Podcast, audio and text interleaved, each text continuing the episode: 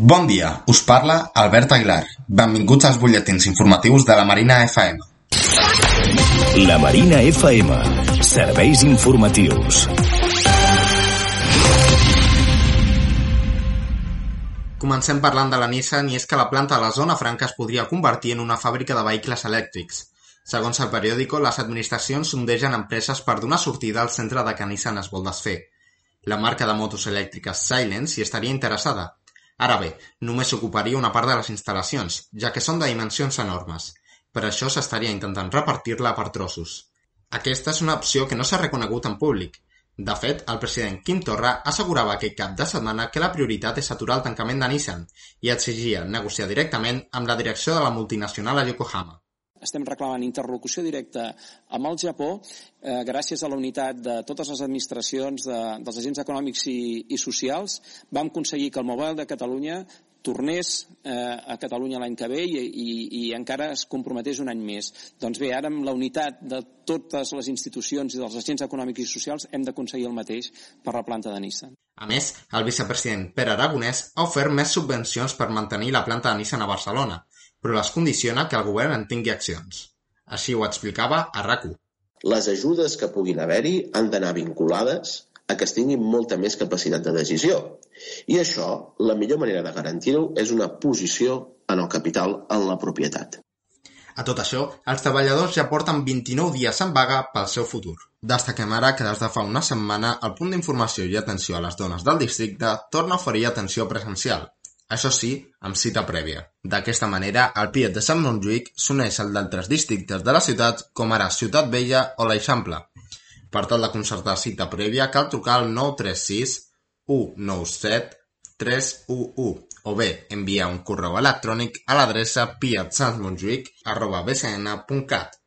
El Piet de Sant Montjuïc, situat al pas Fructuós Gelabert número 2, té un horari d'atenció a la ciutadania de dilluns a divendres al matí.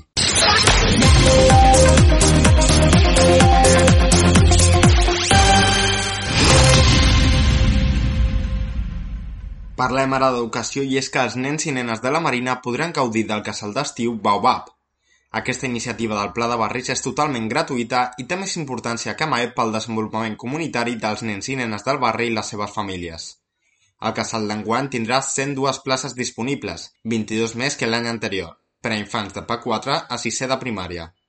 Es farà a l'escola SEAT durant el mes d'agost i separat en dues quinzenes, una del 3 al 14 d'agost i l'altra del 17 al 28 d'agost. L'horari serà de 10 del matí a dos quarts de 5 de la tarda. Inclourà també el dinar. Les inscripcions s'obren el dimarts 2 de juny. Es poden fer a través del formulari que trobareu a la web del districte. Per més informació podeu trucar al telèfon 93 366 8606 o enviar un mail a alier.peraterres.org.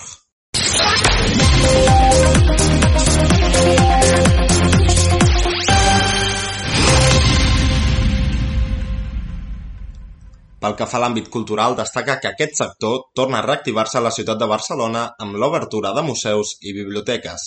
En suporta l'Alejandro Flores. A partir de demà, el Castell de Montjuïc, el Museu Etnològic i la Biblioteca de Port Vell seran els primers espais culturals en obrir les seves portes al districte de Sants Montjuïc.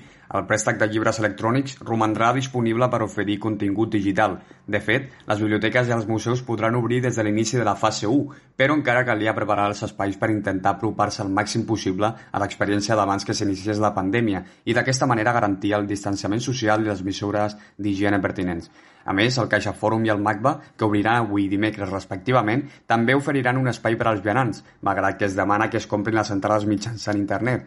En el cas de les biblioteques, estaran disponibles pel retorn de préstecs i per reservar documents, que es recolliran d'acord amb la data pactada amb la biblioteca i tot amb una capacitat d'un terç de l'aforament habitual. Els esports. Passem ara als esports i és que s'ajorna la Barcelona Roller Marathon de la Zona Franca. Si no ens haguessin trobat immersos en la crisi sanitària provocada per la Covid-19, els aficionats al patinatge del barri haguessin pogut gaudir el darrer 25 de maig de la cinquena edició de la Barcelona Roller Marathon. Aquesta prova esportiva és una carrera de patinatge impulsada i dissenyada pel Club Patí Barcelona. Es divideix en quatre distàncies per a tots els nivells de patinatge que ja saben avançar, girar i frenar amb experiència. Per motius de seguretat, la prova no s'ha celebrat a la data prevista i es durà a terme el pròxim 15 de novembre. I segur que aquests dies tancats a casa molts de vosaltres també teniu alguna cosa a compartir. Històries del vostre confinament, acudits, contes, cançons, peces creatives o tot allò que tingueu ganes de compartir. Si voleu que matem la vostra notícia positiva del dia a la ràdio, envieu un àudio de WhatsApp al 650 699 476. Àudios breus, si us plau, de màxim un minut. I fins aquí les notícies. Seguim connectats a lamarina.cat, a Facebook i a Twitter. Ens hi trobareu amb el nom lamarina.cat. Gràcies un cop més per escoltar-nos i fins ben aviat.